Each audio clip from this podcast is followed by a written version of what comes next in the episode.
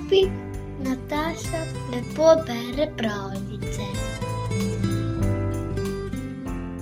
Odpreš pipo in že priteče bistra in mrzla voda. Pa ni povsod tako. Marsikje je pot do vode naporna. Tudi v majhni kitajski vasi so morali po vodo hoditi daleč, daleč.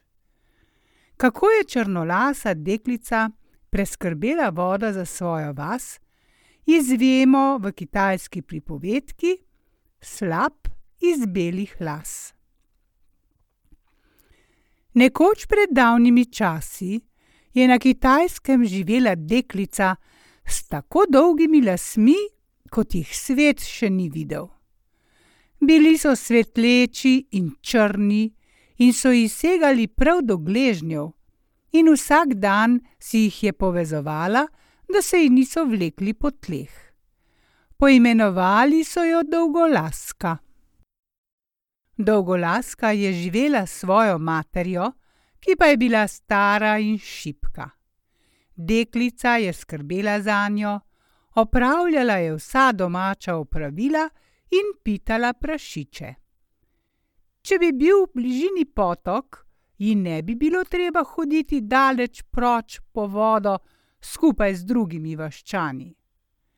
Vsako jutro je najprej s praznim vrčem šla do oddaljene reke in nato pešačila s težkim vrčem vode, pa hkrati premišljevala, kako nenavadno je, da tukaj ni potoka, ki bi tekel iz visokega hribovja nad vasjo. A gore so bile suhe. Dolgolaska je tako hodila po vodo vse vroče poletje in vso dolgo mrzlo zimo, tako kot drugi, in se nikoli ni pritoževala. Nekega dne je dolgolaska odšla na sprehod v gore in se povzpela malo više kot ponavadi. Ko se je ustavila, da bi si odpočila, je zagledala nepoznano rastlino, ki je še nikdar prej ni opazila. Premišljajoč, kako bi jo njeni pujski z užitkom pojedli, jo je izpulila, da bi jo odnesla domov. Na njeno presenečenje je v svoji roki zagledala okroglo redkev, iz luknje v zemlji, ki jo je ta pustila za seboj, pa je prišumel izvir peneče se vode. To je zagotovo dobra voda, je premišljevala, ko se je odžejala, in zadovoljno se je ulegla nazaj v travo. Potem pa je nenadoma zavel oster veter in iz njenih rok iztrgal redkev, ta pa je padla nazaj v luknjo. Voda je takoj prenehala teči. Veter je bičal in premetaval dolgolasko sem in tja, dokler je ni odpihnil v zavetje skal, kjer se je znašla pred starim možem z zlatimi lasmi. Odkrila si mojo skrivnost, je jezno zavpil, in tega ne smeš nikomur, nikoli izdati, drugače umreš. Kaj ti, jaz sem duh velike gore, ta skrita voda je moja. Preden mu je dolgolaska lahko odgovorila, je znova zapihal močan veter, vrtinec jo je zagrabil, ponesel v višino in jo odložil na domačem vrtu. Ostala je tiho ves dan in se predala delu. V tednih, ki so sledili, je njeno srce postajalo težko, ker se je začela zavedati, kako težko življenje živijo njeni sovaščani. Postajala je žalostna, ko je opazovala izčrpano vas, stare, šibke in tudi mlade ljudi, ki so se po suhi in kamniti cesti mučili s težkim tovorom vode, ki so jo prinašali od daleč. Dolgolaska se nikoli prej ni zavedala, kakšno breme je to. Zdaj pa je njena bolečina rasla in njeni lasje so začeli siveti. Potem so začeli bledeti, dokler niso bili popolnoma beli, kot na novo zapadli sneg. In še vedno je tuhtala, kako bi pomagala, da bi vaščani laže prišli do vode.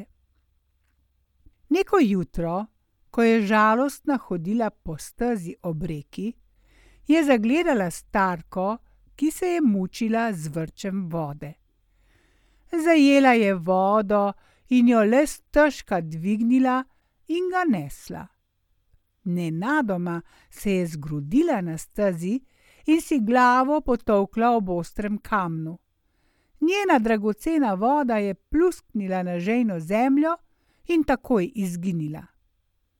Ko je dolgolaska pomagala starki vstati, je njeno srce preblisnila jeza in odločila se je, da se ne bo držala zahteve gorskega duha. Poklicala je vaščane, naj ji sledijo na goro in naznanila: Veliko vode je zelo blizu nas, tudi naša je, veliko gorovje jo mora deliti z nami. Kmalu so vaščani dosegli kraj, kjer je rasla nenavadna redkev. Še enkrat je dolgolaska prijela njeno bogato zelenje in izpulila redkev iz zemlje, iz luknje, ki je nastala, pa je začel teči potoček. Vaščani so bili navdušeni in so se spet in spet zahvaljevali dolgolaski. Redkev moramo se sekljati na koščke, jim je svetovala tako ne bo nikdar več zaprla našega izvira. Ko je bilo to storjeno, je hladna voda stekla še hitreje in hitreje, ljudje pa so se škropili, jo pili in se veselili.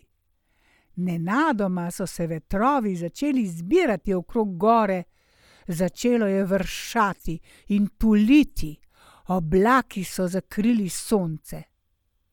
Takrat se je dolgolaska spomnila besed gorskega duha. In v tistem trenutku jo je zajel veter in jo spet odnesel pred rumenolasega starega moža v zavetje med skale. Njegov obraz ni bil še nikoli tako jezen kot tedaj. Kričal je: Ti nesrečnica, izdala si mojo skrivnost in zato moraš biti kaznovana. Vedno, vedno boš ležala na skalnati strani moje gore, tam, kjer potok postaja plitvejši. In mrzla voda bo tekla čez te in se zlivala čez tvoje dolge bele lase. To je tvoja kazen. Dolgolaska je zadrhtela ob teh besedah, a je pogumno rekla: Tako naj bo. Če bo to prineslo vodo mojim sovaščanom, bom potrpela.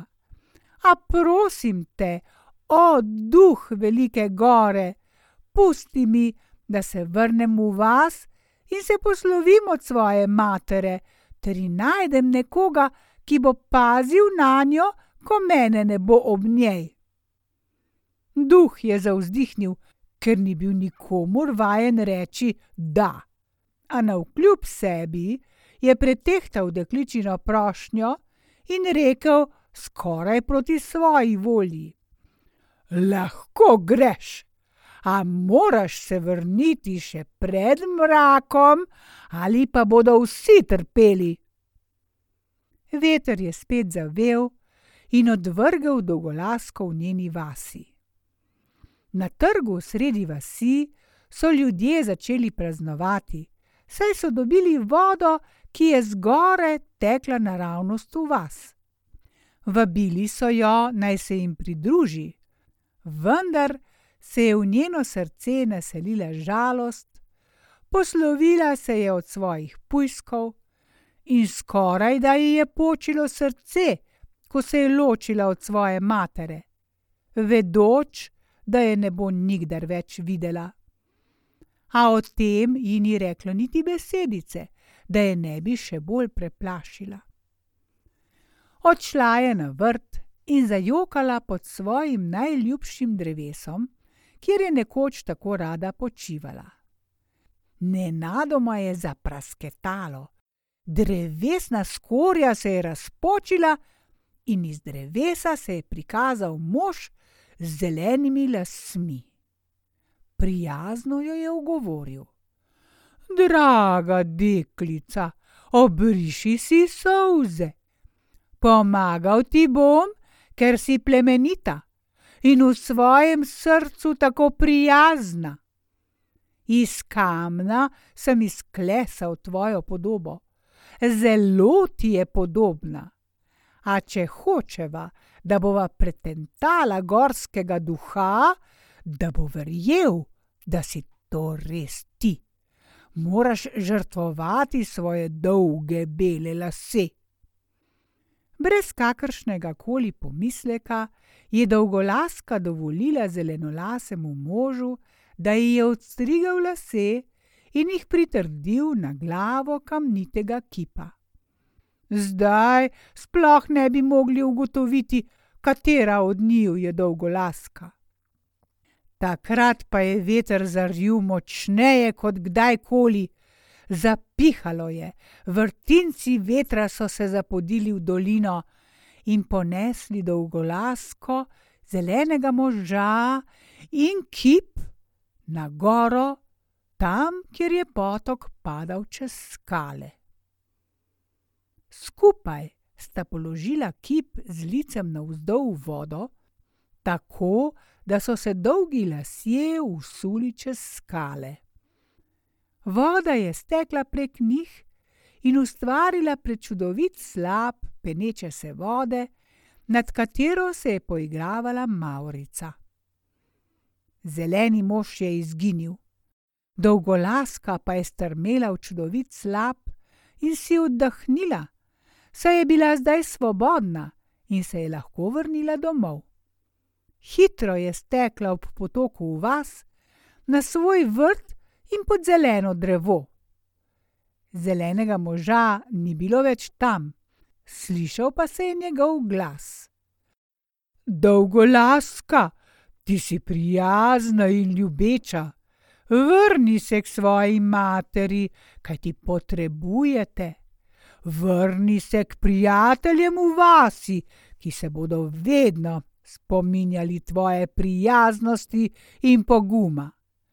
Živi tam v miru, dokler bo slab preko belih las bučal iz velike gore.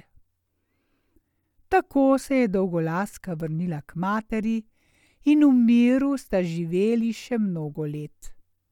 Kmalu so ji začeli spet rasti lasje, črni in svetleči se, kot so bili poprej. In do današnjih dni se vaščani s hvaležnostjo ozirajo v gori in opazujejo veličasten slab iz belih las, ki jih oskrbuje z vodo.